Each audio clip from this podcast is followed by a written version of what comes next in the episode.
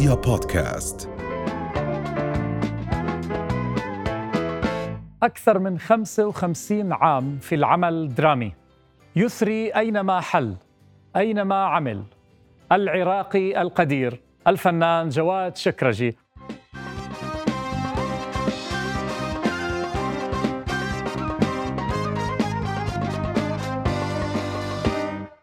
يعني اولا آه، نقول صباح الخير. صباح الورد. هذا الصباح من أجمل الصباحات حقيقة بالنسبة لي الصباح العماني الجميل لأنه يبتدئ مع قناة رؤيا الجميلة مع فرقة رؤيا الأجمل حقيقة مع وجودك أخوي فؤاد كرشة وأنت ما عندك كرش مثلي ها؟ نأخذ منك شوي. آه، مع هذا شو أقول؟ حقيقة بداية أقول صباح الخير لكل الأردنيين صباح الخير للرجال النشامة. في الأردن الحبيبة هذا الوطن الذي آوانا جميعا سواء كنا عراق عراقيين أو غير عراقيين. هذا البلد المعطاء المسالم المتسامح الذي له امتداد عميق منذ مئة عام التي استطاعت من خلال تأسيسها على يد الملك الراحل عبد الله الأول إلى يد العاهل الأردني الملك عبد الله الثاني حفظه الله ورعاه وحفظ العائلة المالكة حقيقة جميعا. حفظ الأردن شعبا وحكومة وأرضا وأفرادا أحبهم جميعا. لي علاقات كثيرة وطويلة تمتد منذ سنين مع أردنيين كثيرين رائعين ومبدعين. وشكرا جزيلا لهذه الاستضافة أخوي فؤاد ولقناة رؤية حقيقة اللي اليوم فتحت عيني على أشياء كثيرة. أنا سعيد. بالمكان سعيد بالاستوديو سعيد بكل العاملين وسعيد بفرقة رؤية. أهلا وسهلا ولا أجمل من آه، هيك بداية. اسمح لي أبدأ آه، في الحوار ونبدأ من آه، مسرح عسكري. مسرح؟ عسكري؟ نعم. يعني كنت في الجيش تمثل؟ نعم. أو كان قطاع الجيش قبل خمسين عام أو خمسة وخمسين عام؟ كان في عنده تمام. نشاط مسرحي؟ خبرني. نعم هناك كانت دائرة اسمها دائرة التوجيه المعنوي. دائرة التوجيه المعنوي في بداية السبعينات. وأعتقد أو أتذكر تحديدا كان مسؤولها الفنان العراقي الراحل راسم الجميلي كان برتبة نقيب أو رائد في الجيش. هذا الفنان الجميل راسم الجميلي استطاع أن يؤسس فرقة مسرحية آنذاك. مع وجود أيضا إذاعة للقطاع العسكري. هذه الدائرة تقريبا آه، آه، انتهت منتصف السبعينيات أو 77 78 أعيد نشاطها عام 1980 عندما بدأت الحرب العراقية الإيرانية وتشكلت دائرة كبيرة اسمها مديرية التوجيه السياسي من ضمنها المسرح العسكري.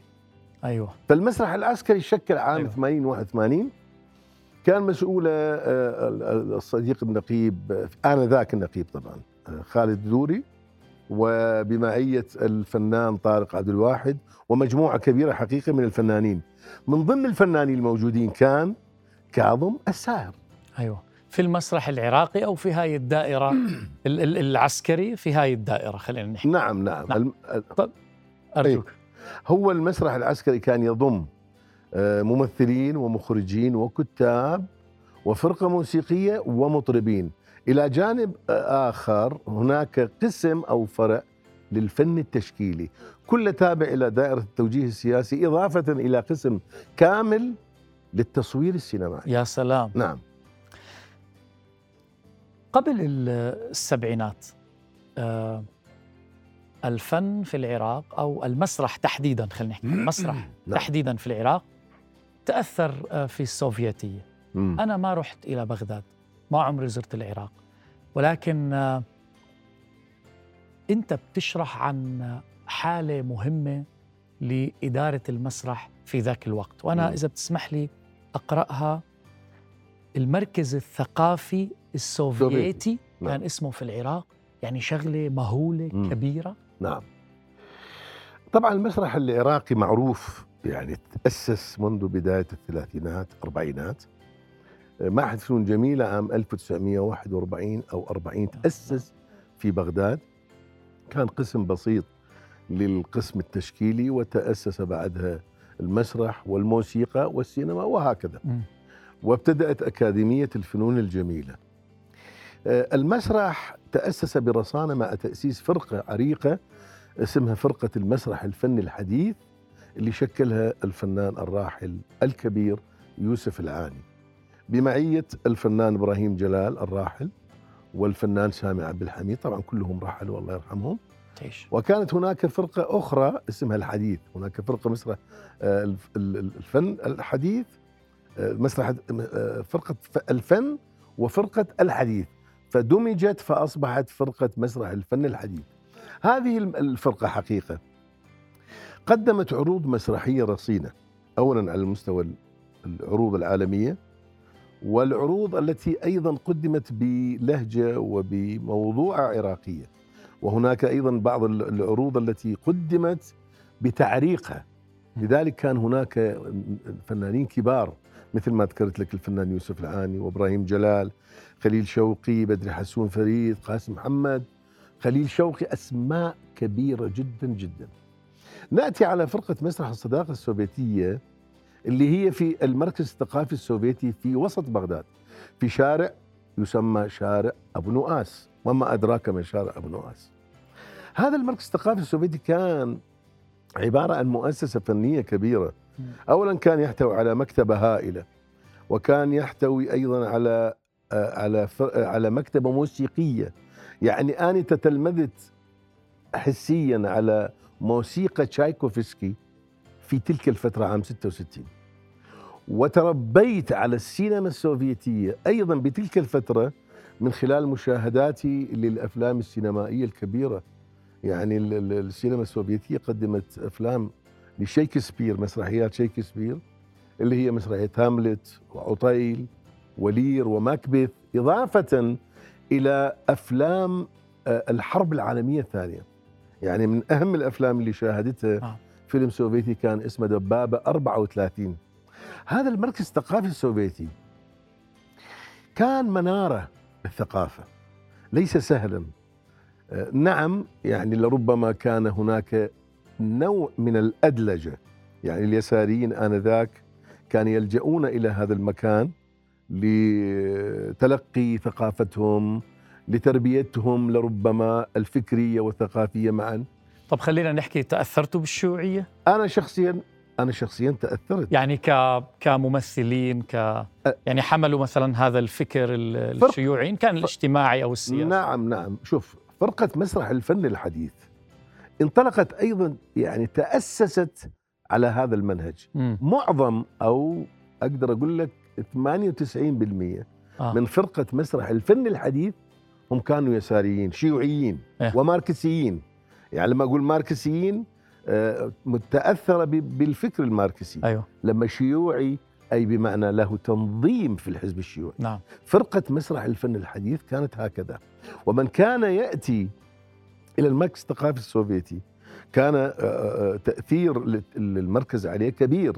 ول- ولربما آه، انتمى الكثير إلى الحزب الشيوعي العراقي من خلال آه، آه، يعني ارتياده إلى هذا المركز. تعلمت أنا- أنا- الروسية؟ ها؟ تعلمت الروسية؟ دخلت دورة. دخلت دورة لمدة ثلاثة أشهر لكنه صعبة. كانت صعبة بالنسبة لي فتركتها.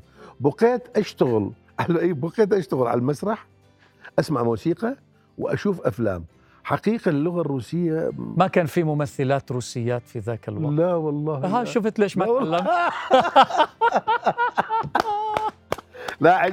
عج... عج... عج... والله الروسية عجبت- صعبة. ما هو حسب لا، مع لا، مين لا. بتتعلم لا والله حقيقة طبعا على فكرة على فكرة. ماركس وشيوعية وكذا عمري. ما بتعلم والله؟ أما جيب لنا ممثلين والله؟ طبعا. شوف بالمناسبة ال- ال- الحديث عن السينما جميل خاصة عن السينما السوفيتية. الآن في عالمنا في زمننا الآن كويس. في السوشيال ميديا. كيف غير بتشوف؟ السوشيال ميديا. كيف بتشوف المسرح؟ عن شيء له علاقة بالسينما مم. السينما الأمريكية. okay. السينما الأمريكية ابتدأت رصينة بأفلام عظيمة روايات الحرب والسلم مدافع نافارون ما أعرف إيش وكان نجوم. تخرجوا من من استوديوهات مم. إليا كازان. إليا كازان كان عنده استوديو خاص لفن الممثل. مم. فخرج مثل مارلون براندو وجيمس جيمس دين. يعني أسماء ترى رهيبة. عالم وتاريخ. فكانت السينما الأمريكية رائعة. ظهرت إلى جانب السينما الأمريكية مو طبعا إلى إلى جانب وإنما كانت هناك حركات سينمائية كبيرة. مم. السينما السوفيتية الأمريكية. الإيطالية الفرنسية المصرية أيضا. مم. طبعا. لكن تراجع هذه السينما يعني هذه الحركات السينمائية في هذه البلدان جعل من السينما الأمريكية أن تقفز من خلال التكنولوجيا. لذلك الآن نشوف الفيلم الأمريكي فيلم إيقاع سريع فيلم يعتمد على الأكشن فيلم ما بيه تفاصيل. يعني ما يخليك ما يوصلك إلى بعض النقاط المعلومة والواضحة. المهم الفكرة في إنه تك تك تك. ما عده وبعدين دخل في عالم السحر والشعوذة. والتعويذة والقتل ومصاصي الدماء. أنا حقيقة صار عندي رد فعل من السينما الأمريكية بشكل مقرف لأنه تعويد الشباب على مثل هكذا سينما يخلق لنا جيل صعب ومتعب. عكس السينما اللي إحنا شاهدناها. إحنا أجيال تربينا على السينما. نعم جيل تربى بالبيت وجيل نفس الجيل تربى بالبيت ربته المدرسة ورباه الشارع وربته السينما. كانت هناك سينما رصينة. إحنا في بغداد كانت عندنا صالات سينما.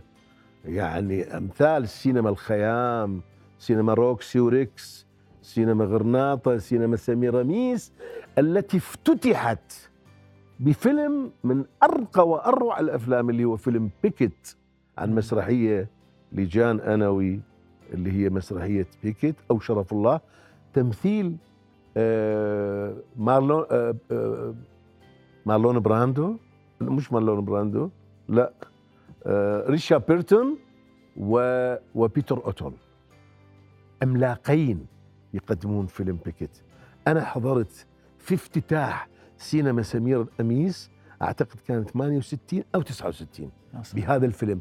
كانت أفلام رائعة وكانت العائلة العراقية تحضر لهذه الأفلام وفي هذه القاعات بكثرة. الآن ليست هناك صالات عرض سينمائيه كان عندنا في المحافظات العراقية مم. في الجنوب وفي الشمال. يعني أنا أعتقد إنه البصرة كان فيها مو أقل من 30 إلى 40 صالة عرض سينمائي.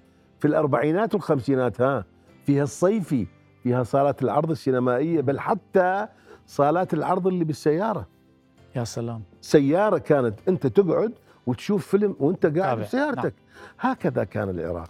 وهكذا يعني- كانت بغداد نعم. يا أخوي فؤاد. ليس فقط العراق بغداد. أنت الآن في حديثك ممكن تذكر أيضا جيل من الشباب اللي كان في ستينيات القرن الماضي بدايات م. السبعين.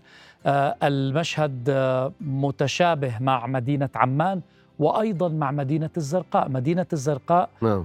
كان في عدد كبير من السينماهات نعم. ويروحوا آه، العوائل بشكل آه، يعني آه، جماعي مع بعض آه، يوم الخميس. وفي بعض السينماهات ما كانت تدخل على آه، حفلاتها عروض حفلاتها الأفلام إلا في اللباس الرسمي. يا سلام. يعني هذه حقبة. على كل حال نعم. تبقى لدينا القليل من الوقت لننتهي من الفقرة الأولى بس أنت أخذتني من المسرح م. على السينما مم. ليش بتشوف آه المغرب مهمة أو أرضية خصبة آه يمكن لوجستيا للأعمال السينمائية الكبيرة ما الذي يميز المغرب غير الطبيعة والجغرافيا أنا ليش بسأل مم. إذا بتتابع أغلب الأفلام اللي موجودة في أو إنتاج أمريكا إنتاج هوليوود لما بيكون بدهم يدخلوا أي عنصر مم. عربي مم. ذو وجه عربي أو طبيعة عربية فورا ننتبه أنه هو من المغرب العربي نعم. لربما تصوير لربما ممثلين مم. شو الميزة؟ شو الميزة؟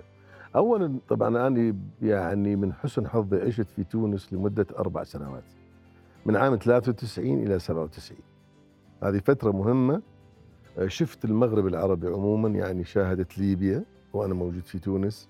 سافرت إلى المغرب العديد من المرات إلا الجزائر لأنه الجزائر كان في فترة اللي أنا موجود فيها في تونس كانت هناك حرب شبه آلية كانت حرب قاسية. مم.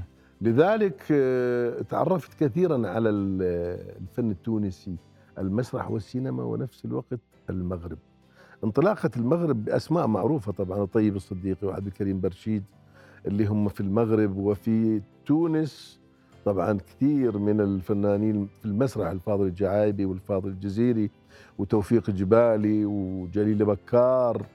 آه، أسماء كثيرة ومسرح رصين ومبدع خلاق في جمال جمال حقيقة. بطاقة إيجابية تمنح المتلقي من أجمل ما يمكن من صورة جمالية أخذ إلى إلى إلى فكر واعي. السينما نفس العملية في تونس وفي المغرب. يعني في في المغرب كان هناك آه، مخرج مهم اللي أعتقد اسمه الأخضر الإبراهيمي أو الأخضر حامينة محمد الأخضر حامينة بهذا الاسم. آه، كان آه، أعتقد كان عنده فيلم اسمه سنوات الجمر يتحدث بها عن الجزائر وعن احتلال فرنسا إلى الجزائر. في تونس نفس الشيء. أيضا سينما ملتزمة ورصينة. في المغرب الآن مساحة كبيرة لتصوير الأفلام السينمائية الأوروبية خاصة الأمريكان الآن يصورون في المغرب. ليش؟ لأنه فيها تضاريس كثيرة فيها جغرافيا متنوعة فيها الصحراء فيها البحر وفيها المحيط. يعني المغرب تقع على البحر الأبيض المتوسط وتقع على المحيط الأطلسي.